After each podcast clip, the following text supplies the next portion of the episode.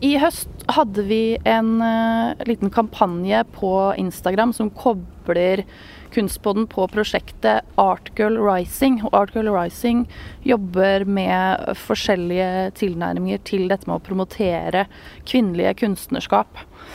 Dere bør absolutt sjekke de ut på, på, Instagram og på nettet. Og vi ba også dere lytterne om å nominere kvinnelige kunstnere som dere mener folk bør kjenne til. Jeg er nå på vei for å møte Vidar Hallén på en benk i eh, Slottsparken i Oslo. Vidar er seniorforsker ved Nasjonalmuseet, og han skal snakke om Otti Berger. Otti Berger eh, levde fra 1898 til 1944 eh, eller 45, og hun var tekstilkunstner og vever. Først student og senere lærer ved skolen, den anerkjente skolen Bauhaus.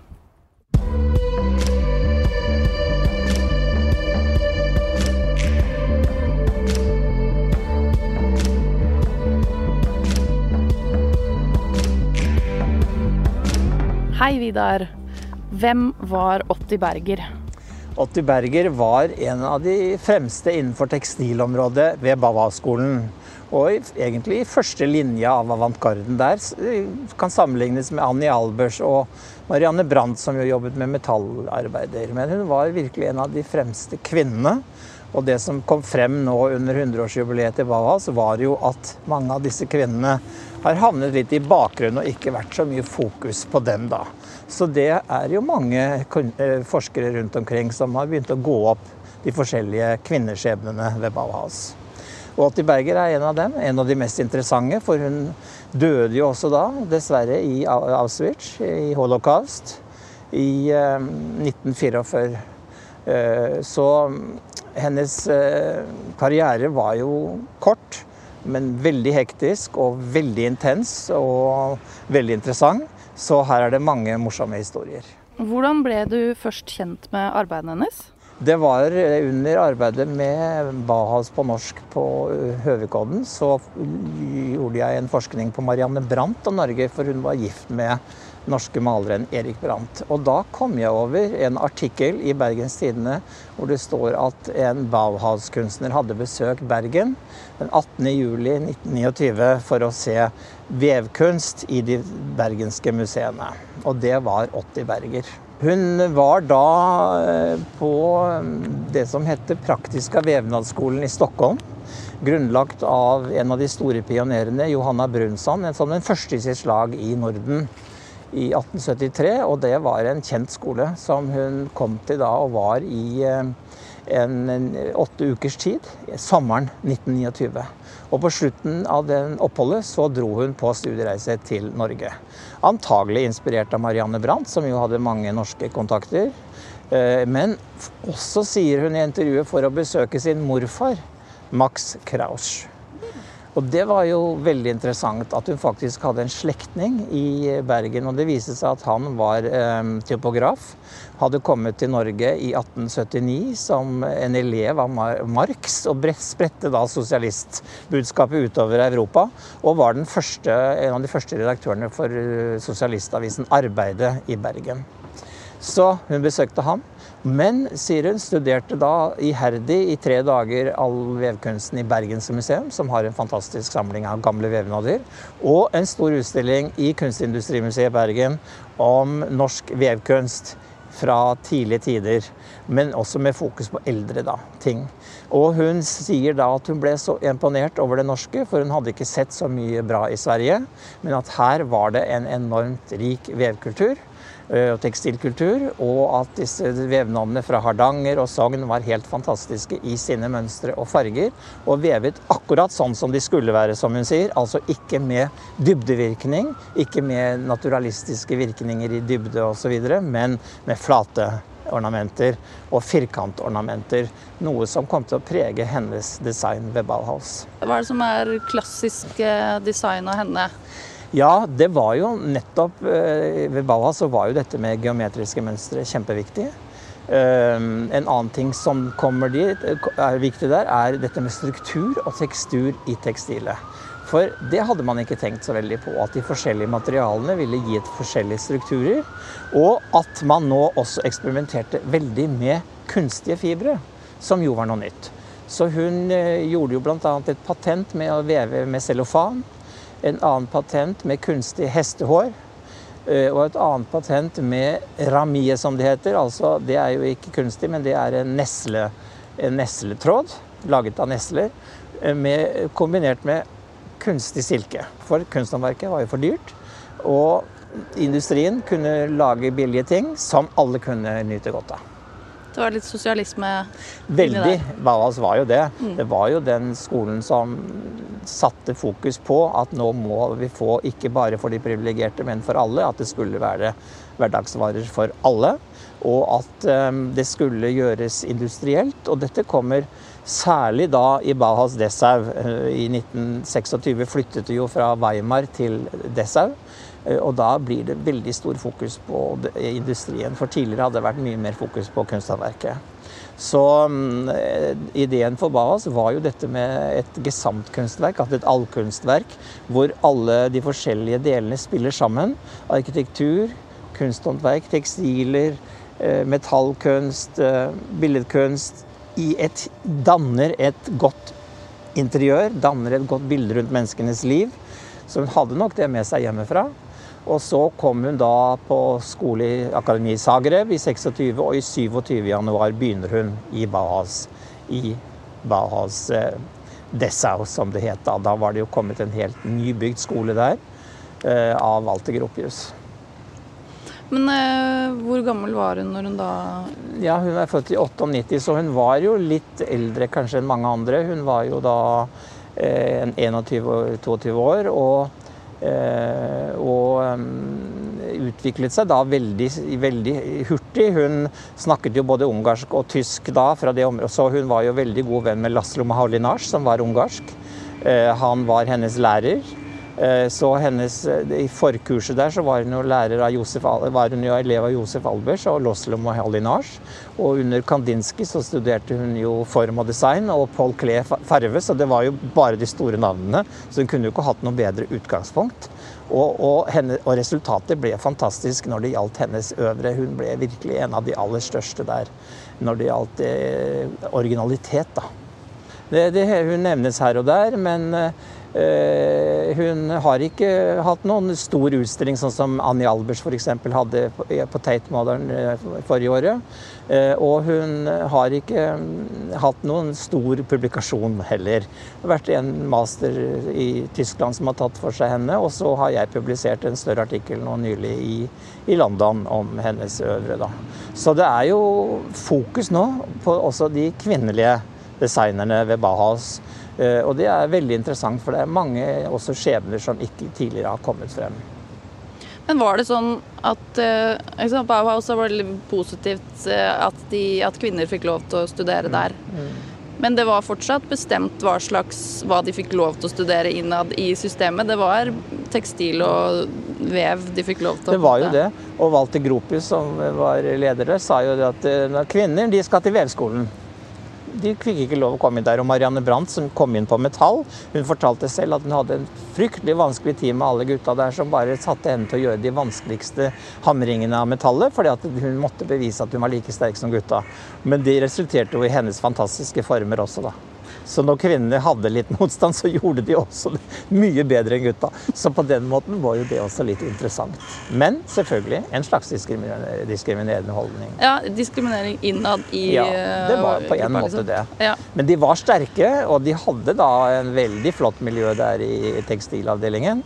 Og ideen var jo også at de skulle tjene penger på dette i Vava, så de måtte gjøre prototyper for industrien. Og de fikk etter hvert også store oppdrag for industrien som ga veldig godt inntekt da til Baha-skolen. Nettopp den vevstudioavdelingen.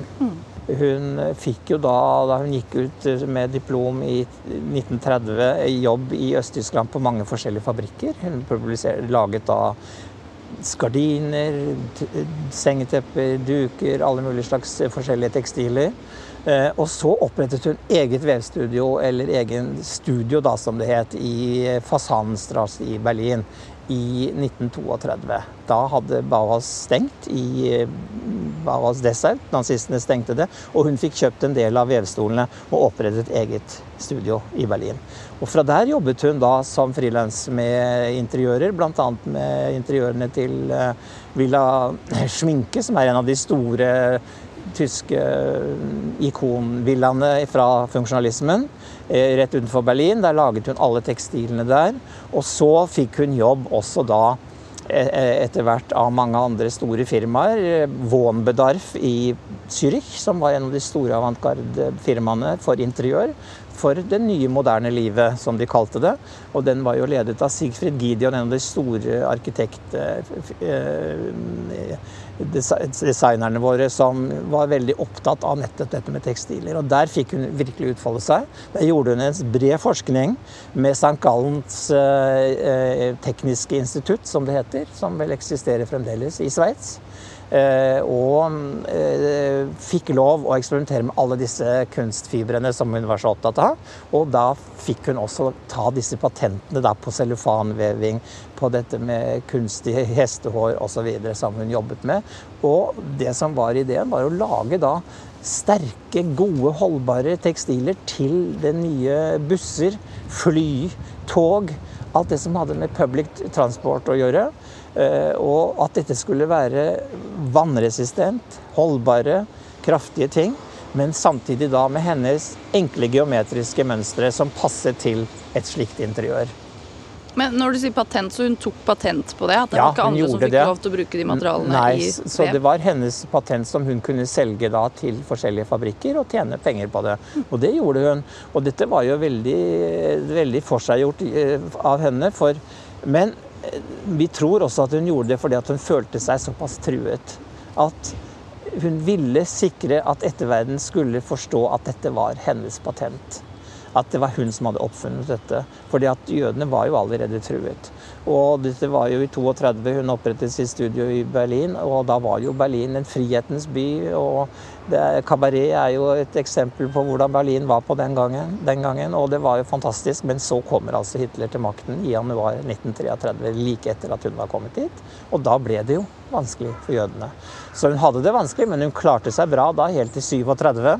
Og jobbet da med, med dette firmaet i i Zürich, Wohnbedarf, og med et firma i Nederland som heter De Pløg, som laget gardiner. Og det er et veldig kjent firma, og der lagde hun sikkert 40 kolleksjoner med sånne enkle, flotte mønstre til gardinproduksjon, som jo ble solgt over eh, hele, hele Europa, og faktisk også i Bergen, hos Sunt Co. i Bergen.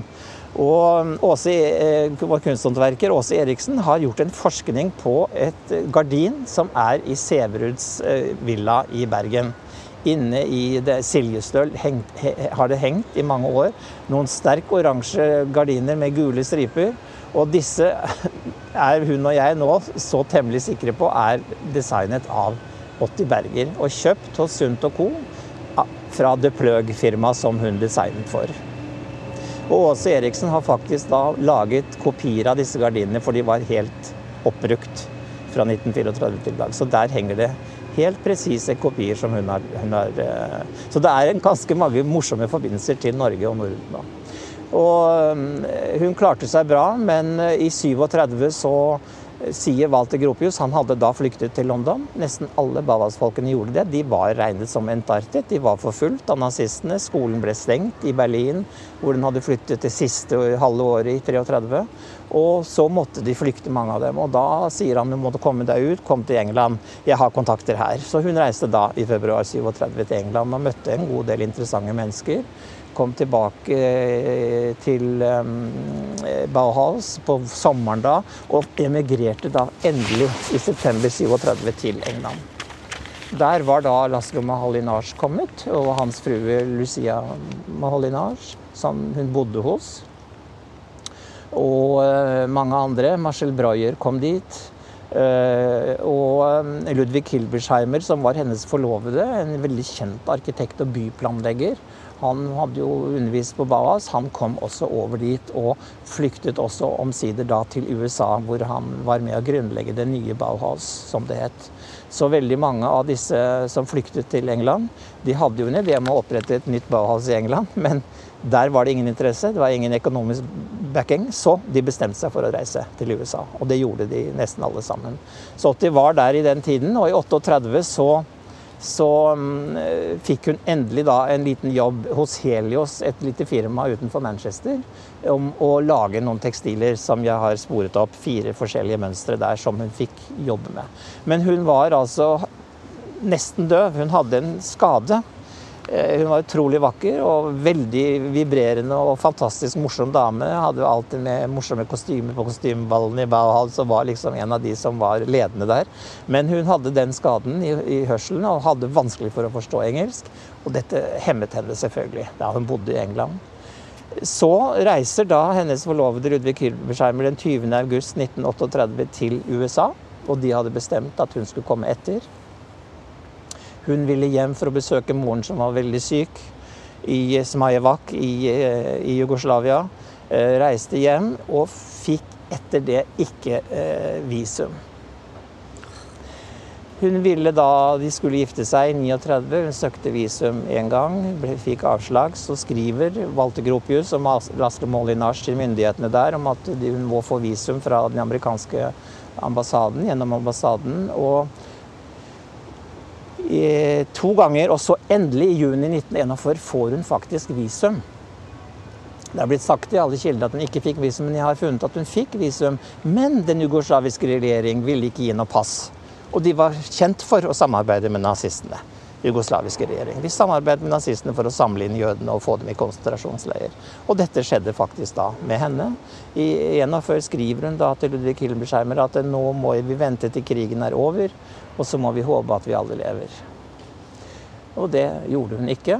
Eh, det, hun ble da i um, april 44 internert sammen med sin bror Otto og halvbror Oskar. Og i 29. mai ble hun sendt til Auschwitz-Birkenau. Og etter det kjenner vi ikke hennes historie. Vi vet ikke presis når hun døde. Men broren Otto overlevde og kom tilbake til Smajevak og var altså da en slags designer og skredder der. Så det er en utrolig egentlig tragisk historie, men med så rikt uh, utkomme kunstnerisk og designmessig som veldig få har etterlatt seg på så få kort stund som hun levde.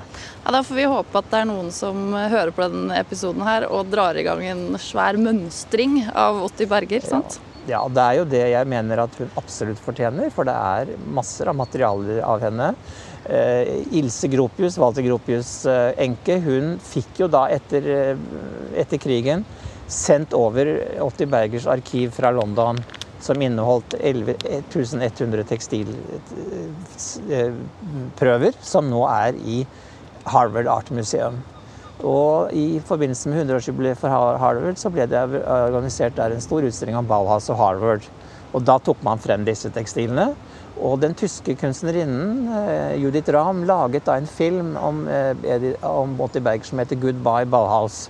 Eh, hvor hun levendegjør hennes person og øvre, som er et veldig rørende dokument. Og Judith Rahm har også jobbet videre med, med Otti Berger, altså kunstnerisk. Jobbet da slik at hun lar seg inspirere av en tidligere kunstner. Og bruker hennes arbeider for å komme videre i sin eget, eget livsløp. Så hun har også nylig hatt en utstilling ved Kunstgewerbemuseet i Hamburg om, Edith, om, om Otti Berger, hvor hun fokuserte på noen av hennes tekstiler. Så hun jobber på den måten, Judith Ramm. Veldig interessant eh, kunstner. Tusen takk for at du mm. eh, ville prate med oss, og for at du gjør denne flotte forskningsjobben. Takk for praten, Vidar. Hyggelig.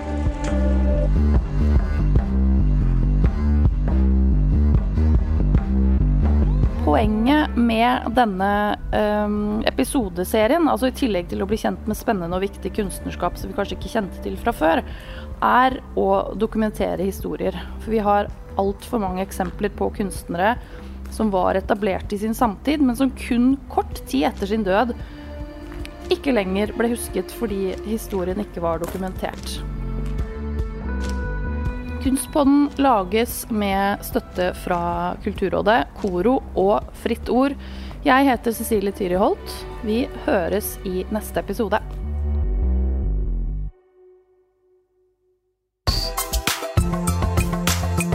Produsert av Flink pike.